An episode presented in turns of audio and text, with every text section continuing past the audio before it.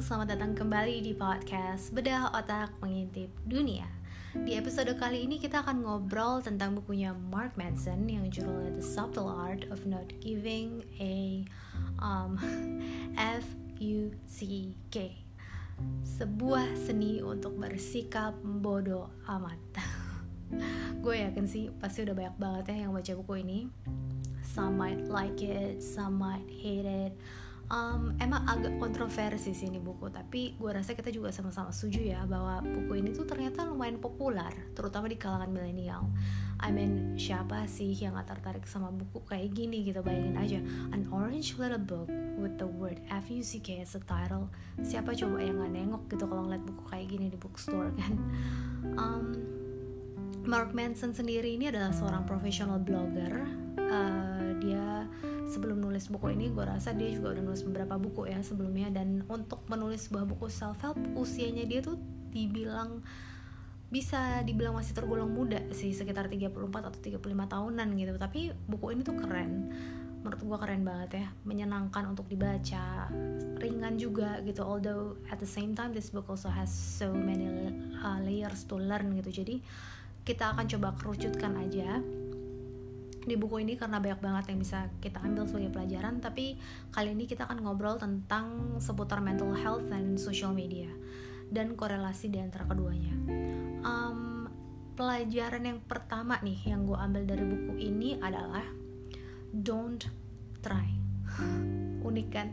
Baru pertama aja udah kayak gitu sih Mark Manson ini. But I can guarantee you that Mark has a very good point on this. Um, message-nya message-nya dia tuh baik sebenarnya menurut gue ya. Karena um, intinya tuh Mark mencoba untuk apa ya menekankan supaya kita tuh bisa menggunakan social media dengan cerdas dan bijaksana gitu. Jadi di sini tuh Mark mengajak kita untuk hmm, how do I put this? Um, untuk nggak perlu repot-repot lah kayak apa ya proving ourselves to, to, to the entire world gitu. Nggak perlu repot-repot menyamakan level kita dengan orang lain gitu. Although it perhaps might be a little be difficult ya at first. Karena um, sekarang kan kita udah di zaman digitalisasi gitu di mana kata Mark most people always always try to show off men, uh, apa melalui social media gitu.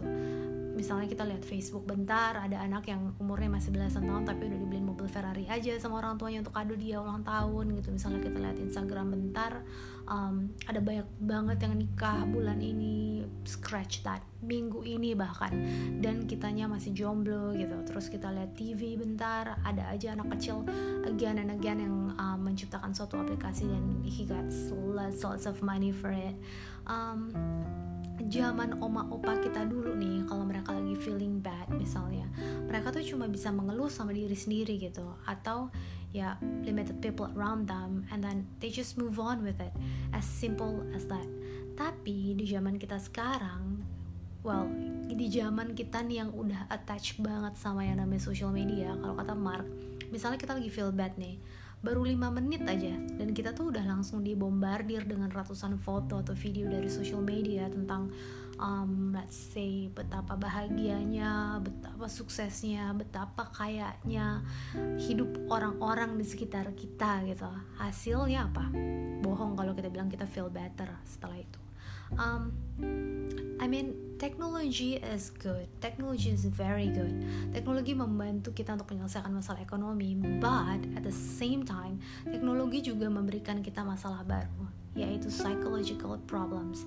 Um, jadi kata Mark nih, gimana ya? Um, internet itu tuh bukan hanya menciptakan open source of information gitu. Jadi internet ini juga menciptakan open source of insecurity, self doubt and shame at the same time. Jadi internet tuh bukan cuma um, apa ya? Bukan cuma membuka akses luas nih untuk informasi, tapi internet juga secara tidak langsung menjadi sumber untuk rasa tidak percaya diri, terus rasa malu, kayak gitu. Um, gue pernah nih nonton satu video dari um, TED Talk, videonya Amy Morin. Uh, jadi Amy Morin ini juga penulis salah satu buku bestseller gitu yang judulnya 13 Things Mentally Strong People Don't Do. Jadi menurut Amy, research tuh udah banyak banget ya yang menemukan bahwa envying your friend on Facebook is actually leads to depression. Jadi ternyata nih hal sesederhana seperti iri hati dengan teman kita di Facebook itu bisa bikin kita depresi. Well, I know what you guys are thinking. Mungkin dalam hati kita bilang kayak, gue gak iri kok, I'm happy for them. Tapi kata Amy, sometimes we just secretly don't like those people and we just don't want to admit it. Jadi mungkin mungkin di alam bawah sadar kita tuh ternyata mereka mempengaruhi kita gitu meskipun kita belum mau mengakuinya gitu jadi um, gue sih setuju ya sama Mark Manson dan Amy Morin gitu di sini gue yakin teman-teman juga udah familiar banget dengan apa ya um, dengan banyaknya research gitu tentang korelasi antara social media dan kesehatan mental. Bahkan data terakhir yang gue tahu kalau nggak salah um, social media yang paling negatif itu adalah Instagram dan Facebook. And I think it's pretty obvious why. Karena kan di Instagram dan Facebook seperti yang Mark bilang tadi itu loh I mean all you see are photos and videos of all people's lives gitu. Jadi ya make sense kenapa ya IG sama FB gitu yang paling negatif. Um, sampai banyak banget ya istilah-istilah tuh yang muncul di zaman ini kayak uh, let's say um, apa phantom ringing syndrome, nomophobia, IAD, internet addiction disorder, sampai apa ya, um, yang paling sederhana deh, sampai FOMO reaction, apa fear of missing out reaction gitu, yang paling sederhana tapi menurut gue sama aja bahaya-bahaya juga gitu. Gue juga pernah baca ada satu penelitian di um, University of Michigan yang menunjukkan bahwa depresi yang terjadi di antara anak-anak muda ternyata memiliki korelasi yang kuat dengan seberapa banyak waktu yang mereka habiskan di depan Facebook. Well, balik lagi sih yang kayak tadi Mark bilang, kita tuh akan dibombardir dengan ratusan foto dan video yang um, yang apa ya? Yang sayangnya tuh membuat kita percaya bahwa seolah-olah tuh hidup semua orang nih di sekeliling kita tuh lebih baik daripada kita dan mungkin ini akan terdengar manipulatif tapi kata Mark orang-orang TV dan komersial itu memang tujuannya satu mereka mau bikin kita percaya bahwa tolak ukur atau kunci sebuah kesuksesan adalah pekerjaan yang lebih baik, mobil yang lebih mewah, pacar yang lebih cantik, atau let's say um, rumah yang lebih besar, rumah mewah dengan kolam renang or even jacuzzi di dalamnya. So you see, the world is constantly telling you that the path to a better life is more, more, and more. Buy more, own more, make more, be more. Jadi untuk menjadi sukses kita tuh harus menjadi lebih, lebih dan lebih dalam segala hal. Jadi kita tuh dibombardir gitu dengan um, apa ya, dengan message-message ini gitu yang seolah-olah tuh kita tuh um, harus peduli gitu dengan segala hal. Dan kalau kita nggak ngikutin yang namanya tren, kita akan ketinggalan. Kalau kita ketinggalan, artinya kita nggak akan bahagia. Nah ini tuh kita masuk ke pembahasan nomor 2 di buku ini yaitu tentang tolak ukur kebahagiaan gitu. Message-nya Mark di sini tuh crystal clear yaitu um, dia bilang happiness is a problem. Unik banget emang ya. Um, menurut Mark kebahagiaan itu sendiri sebenarnya adalah masalah. I mean it's kind of unique karena uh, di buku-buku self help lainnya atau motivator gue rasa di seluruh dunia gak ada yang pernah bilang bahwa happiness is a problem. I think he's the only one saying this, so it's kind of unique. Um, jadi menurut Mark nih, karena disadari atau tidak, hidup kita tuh sebenarnya kan sudah dipenuhi oleh masalah ya. Problems never stop. Yes, okay, they get exchanged or upgraded, but surely the problems never stop. Jadi masalah tuh nggak pernah berhenti gitu. Mereka berubah, betul. Mereka naik kelas, tapi mereka nggak nggak nggak pernah berhenti. Dan ini menurut gue benar ini gue setuju banget. Jadi kalau gitu sebenarnya apa sih kebahagiaan itu? Terus apa faedahnya kalau ternyata kebahagiaan itu sendiri adalah masalah gitu. Well Mark bilang di sini bahwa um, happiness is a constant work in progress. Menurut gue ini rasional banget ya ini keren banget. Jadi kata dia yang namanya bahagia itu sebenarnya adalah usaha terus menerus gitu. Karena solusi dari masalah hari ini bisa menjadi akar dari masalah berikutnya di esok hari. Um, contohnya misalnya si A nih single di antara teman-teman yang udah pada nikah semua gitu. Berarti kan masalahnya si A jelas nih, single gitu. Dan solusi dari masalah ini nih yang bikin A bahagia itu menikah dong. Jadi kalau si A menikah, dia akan bahagia gitu kan.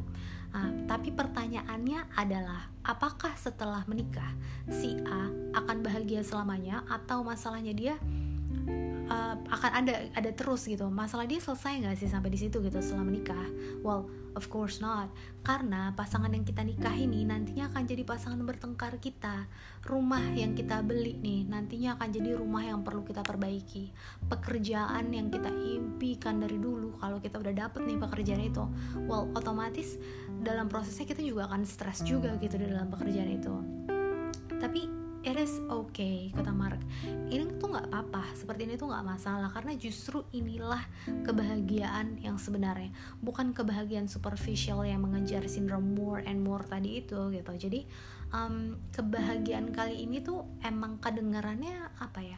Sederhana gitu kayak misalnya menikah atau mendapatkan pekerjaan impian atau um, akhirnya kita bisa beli rumah meskipun rumahnya sederhana tapi justru itulah kebahagiaan yang mahal kebahagiaan yang sebenarnya gitu.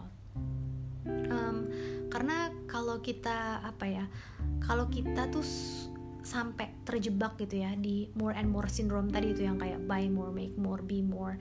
Nah besar kemungkinan tuh kita nggak akan pernah puas gitu karena um, gimana ya jadi Mark bilang tuh gini di otak kita itu otak kita nih didominasi oleh kebahagiaan yang sebenarnya itu superficial sifatnya. Jadi istilah psikologisnya adalah hedonic treadmill. Jadi di mana kita selalu bekerja keras untuk merubah situasi tapi kita tuh nggak akan pernah puas gitu. Jadi kita nggak pernah nih ada merasa perubahan sekeras apa pun kita bekerja. Hedonic treadmill. Well can you imagine how sad would that be? Wow. Yang ketiga yang gue pelajari dari buku ini adalah Don't be dramatic, you are not special. Again, Mark and his unique type of thinking. Jadi di saat buku-buku self-help selainnya atau motivator-motivator dunia keep on telling us that you are so special, even though you think that you are not special, you have to believe that you are special. Tapi di sini Mark justru menyadarkan kita bahwa we are not special. Keren gak? Um, di sini sih gue ngeliatnya gimana Mark tuh uh, apa ya mencoba mengajarkan kita kalau kita nanti suatu saat udah sukses jadilah orang sukses yang berkelas gitu. Jadi nggak perlu kebanyakan drama. I know it hurts to hear ya sometimes things like this but hey um, the very first rule of this book is pretty simple. You cannot be too sensitive read this book. Kenapa? Karena um, yang Mark sampaikan di sini tuh semuanya benar banget menurut gue. Meskipun penyampaiannya juga agak unik gitu. Gue sampai ngebayanginnya kalau ada audiobooknya tuh pasti seru banget nih. Oke, okay, let me make it simple. Intinya adalah kalau kita achieve something nih jangan kayak OKB gitu yang Nora kayak orang kaya baru yang apa ya um, yang terus memuji diri sendiri menganggap seolah-olah tuh kita adalah orang yang paling hebat di antara semua orang. Bahkan misalnya ketika ada orang nih yang negur kita misalnya dengan etikat baik kita tuh malah berpikir mereka tuh haters atau iri sama kita gitu. And these things works for both sides for both ways. Jadi um, bukan cuma untuk mereka yang merasa dirinya super hebat, tapi juga untuk mereka yang ngerasa dirinya tuh paling menderita di dunia. Um, karena di saat kita pikir kita yang paling hebat, kita tuh harus ingat bahwa masih banyak lagi orang yang lebih hebat dari kita. Di saat kita pikir bahwa kita tuh adalah orang paling menderita, masih banyak orang luar sana yang lebih menderita dari kita. Well, there's a saying in Texas, the smallest dog barks the loudest the loudest. Jadi intinya adalah orang hebat tuh nggak perlu membuktikan kalau apa ya kalau dia tuh hebat gitu seluruh dunia orang kaya nggak perlu membuktikan bahwa dia tuh kaya gitu. Jadi kalau kata Mark um, apa ya yang terjadi di dalam pemikiran kita nih biasanya adalah uh, satu dari dua hal. Yang pertama gue ngerasa bahwa bukan gue ngerasa ya jadi yang pertama gue adalah orang hebat nih. Dan orang-orang lain di sekitar gue itu semua mereka di bawah gue. Karena gue hebat so I deserve a special treatment. Karena gue orang yang paling hebat jadi wajar dong kalau gue butuh perlakuan atau perhatian khusus. Atau yang kedua, gue adalah orang yang paling menderita. Di saat semua orang di sekitar gue tuh baik-baik aja, bahkan mereka semua bahagia. Gue doang nih satu-satu yang paling menderita.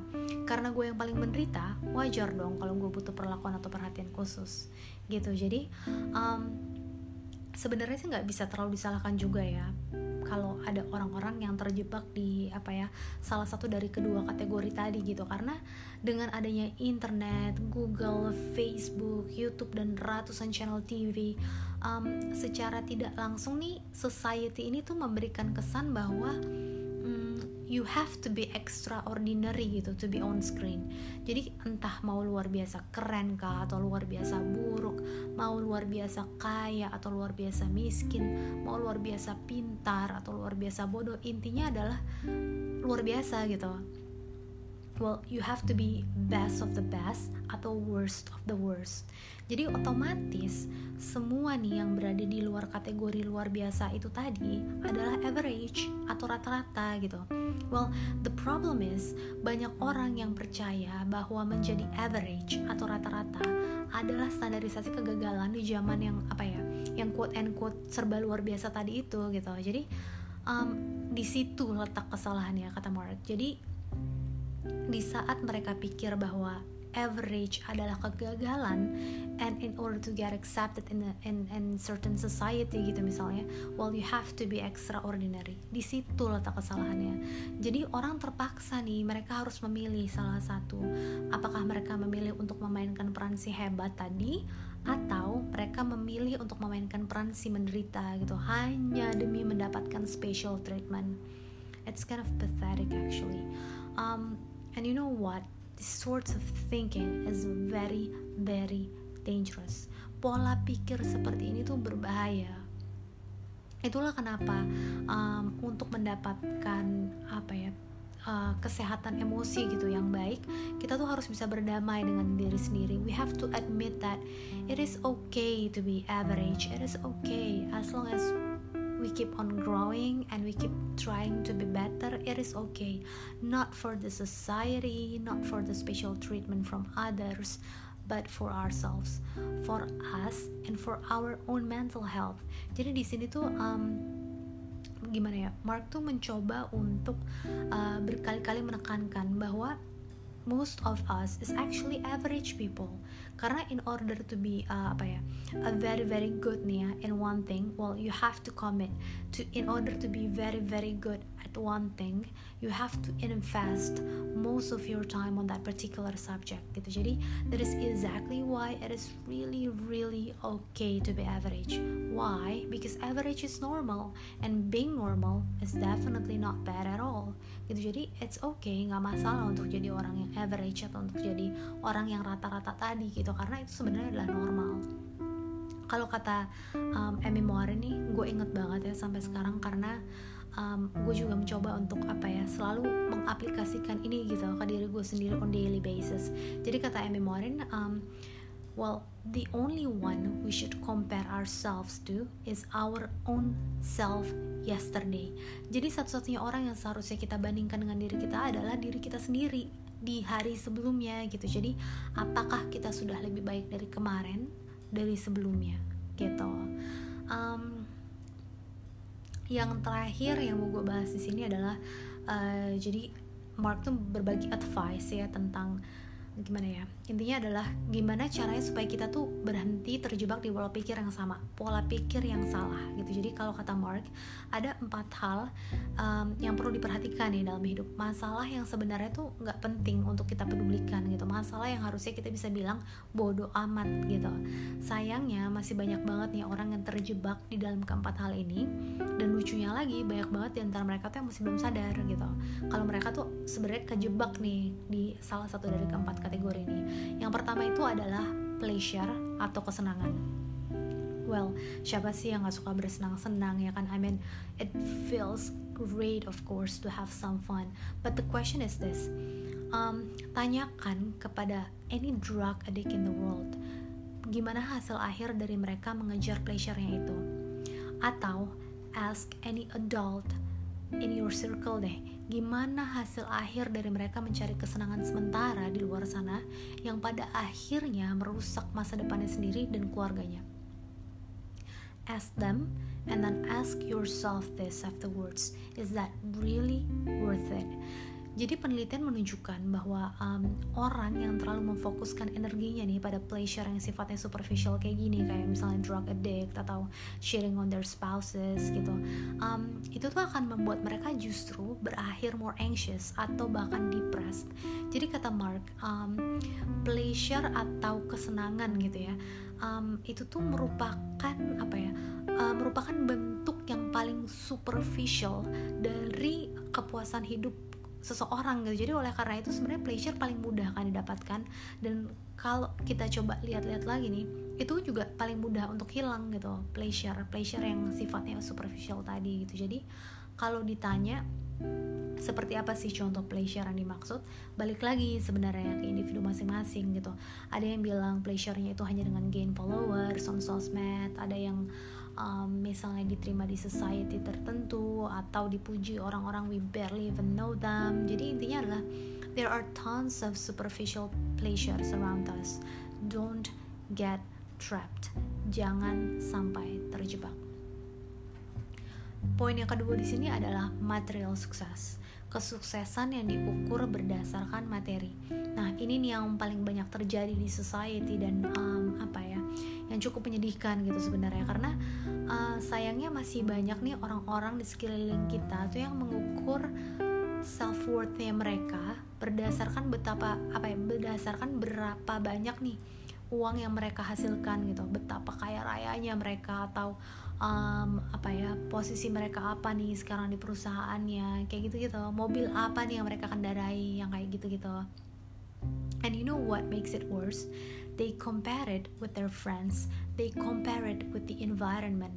Padahal kata Mark penelitian menunjukkan bahwa ketika seseorang sudah lebih cukup lebih dari cukup nih misalnya mengakomodir yang namanya physical needsnya mereka yang basic kayak sandang pangan papan lah misalnya maka sebenarnya ko korelasi antara kebahagiaan nih dan kesuksesan sebenarnya tuh hampir nggak ada gitu. Jadi um, untuk middle class atau bahkan orang-orang yang kelasnya udah A atau A plus gitu it won't work that way. Kecuali misalnya kita kelaparan atau um, tunawisma dan dikasih uang out of nowhere jelas itu bikin kita super bahagia. Tapi kalau kita nih udah ada di kelas menengah dalam ekonomi well getting things like let's say a better car atau new expensive bag for instance itu nggak akan terlalu ngefek sebenarnya. Dan kalaupun ngefek itu tuh cuma temporary sifatnya jadi cuma sementara. Nggak akan ada efek signifikannya lah untuk kita secara mental health ya. Jadi kayaknya balik lagi dong ke teori yang tadi kan hedonic treadmill yang kita bahas sebelumnya gitu. Karena um, gimana ya? Dengan kita mendewakan nih apa yang namanya material success tadi itu secara tidak langsung kita akan melupakan hal-hal yang lebih penting. Kayak um, misalnya keluarga kasih sayang persahabatan atau nilai-nilai kayak um, kejujuran atau integritas gitu. Jadi kalau ada orang nih yang tolak ukurnya bukan behavior tapi social status atau barang-barang mewah mereka kata Mark orang-orang ini nih bukan hanya shallow atau dangkal pemikirannya tapi mereka juga sangat sangat bodoh. Yang bener-bener ya buku ini tuh. Trust me on this um, Mark is using much more inappropriate words ya di bukunya. Believe me sangat bodoh itu masih terlalu sopan. Oke okay, um, poin yang ketiga di sini adalah always being right. Selalu merasa benar. Gue yakin sih di antara kita nih circle kita nih pasti adalah satu atau dua orang gitu yang merasa dirinya tuh gimana ya? Merasa dirinya tuh paling benar gitu paling pintar dan gak suka dikritik. Bahkan mostly this kind of people they they don't like to listen to others gitu. Karena gimana ya? Um, karena mungkin mereka tuh cuma mau diri mereka yang didengar karena mereka merasa memang yang paling pantas gitu untuk didengar. Well you know what? Kata Mark as human being we are wrong pretty much constantly. Jadi kalau tolak ukur sukses kita ini adalah being right all the time ya mungkin at some point in our lives um, kita akan kalau kita udah sadar nih kalau kita nanti suatu saat udah tobat kita justru akan apa ya malu gitu. Karena selama ini justru kita sudah mempermalukan diri sendiri di depan banyak orang. Kasiannya lagi tanpa kita sadari nih kalau kita jadi salah satu kategori orang tersebut dan memaksakan diri untuk selalu benar justru hal itu membuat kita jauh dari yang namanya belajar. Karena kan kita ngerasa kita nggak pernah bikin kesalahan gitu. So tell me how can you ever how can you ever learn something if you don't make any mistakes? Nah yang keempat yang pertama tadi kan coba kita summarize yang pertama tadi kan um, pleasure ya kan kesenangan. Terus yang kedua itu mengukur dari material sukses. Yang ketiga ngerasa selalu benar. Dan poin yang terakhir di sini adalah staying positive. Terus merasa senang I know what you're thinking, Mark did it again. Di saat semua motivator membombardir kita dengan ribuan quotes and theories about how to think positive, how to stay positive, justru Mark di sini menyarankan kita untuk tidak berpikir positif. Luar biasa ya. Um, padahal tuh kalau kita mendengar apa ya orang-orang yang pikirannya positif gitu kayaknya nggak ada salah nggak ada yang salah gitu kan dengan mereka um, misalnya dipecat gitu terus mereka akan berpikir bagus dong dipecat. Jadi at least gue jadi punya waktu gitu untuk explore apa nih passion gue gitu. Terus suaminya selingkuh gitu. Terus mereka bilang bagus dong um, karena dengan selingkuh jadi gue tahu nih ternyata I've been living with the wrong person all my life gitu. Um, kalau kata Mark gimana ya um, banyak orang nih yang mungkin lupa bahwa hidup itu tuh tidak selalu menyenangkan gitu. Dan cara yang paling sehat sebenarnya untuk menghadapinya adalah dengan mengakuinya gitu. Dengan kita menerimanya. Karena um, sebenarnya kalau kita terus menyanggah gitu ya terus apa ya denial gitulah dengan emosi negatif tadi tuh bahwa everything is fine kalau baik-baik aja dipecat baik-baik aja diselingkuhi justru tanpa kita sadari kita malah memperpanjang yang namanya emosi negatif gitu. Dan pada akhirnya akan menjadi yang namanya emotional dysfunction. Dan apa ya banyak banget orang yang nggak sadar gitu akan hal ini. Um, karena mereka terus memaksakan diri mereka untuk apa ya? Untuk keep on thinking positive stay positive kayak gitu. Untuk terus berpikir positif apa pun masalah yang apa pun masalahnya mereka gitu di depan mereka sesulit apa pun itu mereka mencoba untuk berpikir positif. Well Mark bilang di sini tuh sebenarnya pretty simple actually. Things go wrong. People upset us. Accidents happened. We feel bad and that's fine. Karena sebenarnya emosi yang negatif adalah bagian dari kesehatan emosi manusia gitu. So it's fine actually. Um, ada salah satu uh, apa ya interview yang pernah gue tonton. Interviewnya Robert Kiyosaki yang menurut gue tuh cukup powerful. Um, sebenarnya sih isi interviewnya lebih ke tentang financial ya. Tapi kita ambil di sini highlightsnya tentang positivity aja gitu. Jadi uh, dia tuh sempat bilang bahwa most people only want to be right, to be positive, but that is not the reality and you cannot have that. Jadi intinya kata Robert Kiyosaki ini nggak um, usah takut lah untuk merasa buruk once in a while, nggak usah takut menderita, nggak usah takut gagal, nggak usah takut salah. Intinya tuh kayak gitu. Jadi gimana ya di buku ini tuh Mark terus meminta kita tuh untuk menganalisa diri sendiri untuk bersikap realistis gitu untuk membuka mata dan menerima kenyataan bahwa penderitaan itu tuh sebenarnya tidak terelakkan gitu dan masalah itu sebenarnya nggak bisa kita hindari. Dia bilang di sini um, if I'm not mistaken the words dia kata-katanya itu gini if suffering is inevitable, if our problems are unavoidable, unavoidable, then the question we should be asking ourselves is not how to stop suffering, but why am I suffering? Kenapa kita menderita? Kenapa nih kita tuh terjebak di masalah ini? And then for what purpose? Untuk apa kita menderita? Jadi intinya adalah ketika kita menghadapi suatu masalah nih, hadapilah dengan tanggung jawab. Terima kekalahan, akui kesalahan dan yang paling penting adalah kita harus belajar nih dari masalah tersebut gitu. Just enjoy the pain and learn. Apa ya? Um, nikmati sakitnya gitu dan belajar. Kenapa belajar? Supaya perjuangan kita nih melewati semua masalah itu itu tuh nggak sia-sia gitu. Dan kenapa kita harus menikmatinya? Karena supaya um, ketika emosi kita sudah kembali stabil nantinya nggak ada lagi tuh yang namanya unfinished business yang tadi Mark bilang sebagai um, emotional dysfunction tadi itu. Jadi intinya adalah it is really okay to be sad. It is okay to be upset and it is okay to cry um, kalau kita udah bisa apa ya let's say menguasai lah skill maturity kita sudah bisa apa ya udah bisa tahu nih mana yang kita harus pedulikan dan mana yang kita boleh bilang bodoh amat gitu kita akan mulai mengapresiasi hal-hal yang justru sederhana kayak contohnya simple pleasure of friendship persahabatan terus like creating something atau berkarya, helping people, membantu orang lain, or just apa ya sekedar reading a book gitu, reading a good book, baca buku bagus on the weekend, kayak gitu gitu, or even sharing a life with people we love atau hanya sekedar apa ya berbagi tawa gitu dengan orang-orang yang kita sayangi. Jadi intinya kalau kata Mark, um, it may sound boring to you because these things are apa ya things ordinary things gitu tapi mungkin karena justru mereka ordinary karena those things are actually what matters. Hal-hal ini tuh kelihatannya memang sederhana tapi justru krusial karena baik banget untuk kesehatan mental kita gitu. Dan at the end of the day pada akhirnya kita akan sadar bahwa um, hal-hal sederhana seperti let's say running a marathon bakalan bikin kita lebih bahagia daripada kita makan chocolate cake yang pada udah pada selesainya nanti kalau udah selesai makan kita akan menyesal kayak gitu.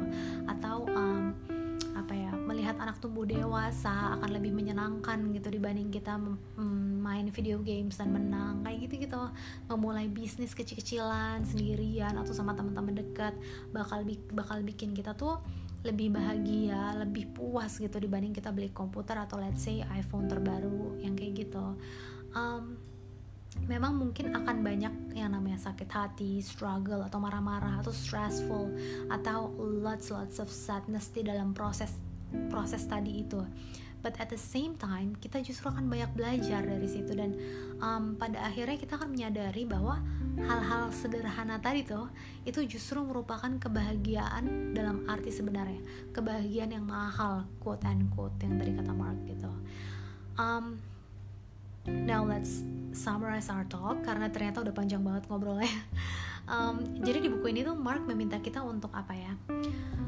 Meminta kita tuh untuk membuka mata gitu akan banyak hal untuk menjadi lebih realistis. Mungkin most of the time kita akan merasa seperti um, like a slap on the face waktu baca buku ini, tapi menurut gue semua teorinya tuh applicable dan sangat bermanfaat. Jadi di sini tuh Mark mengajarkan kita tuh untuk memilih gitu mana nih hal-hal yang perlu kita pedulikan?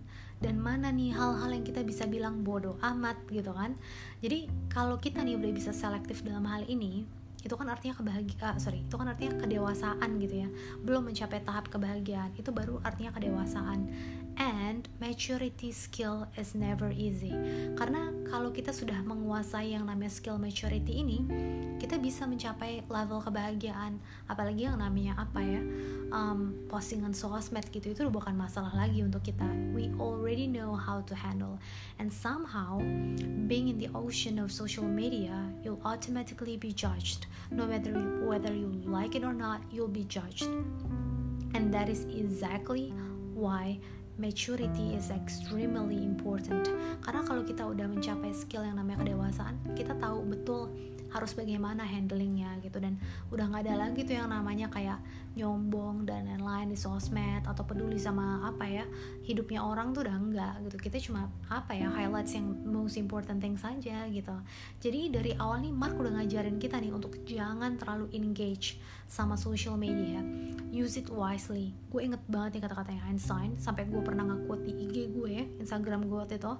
Um, uh, Albert Einstein bilang I fear that the day that technology will suppress our human interaction and we will have the world with the generation of idiots. Jadi gue takut nih katanya kalau suatu saat nanti itu teknologi bisa melebihi yang namanya human interaction dan dunia kita akan memiliki generasi orang-orang idiot gitu. Jadi um, gimana ya?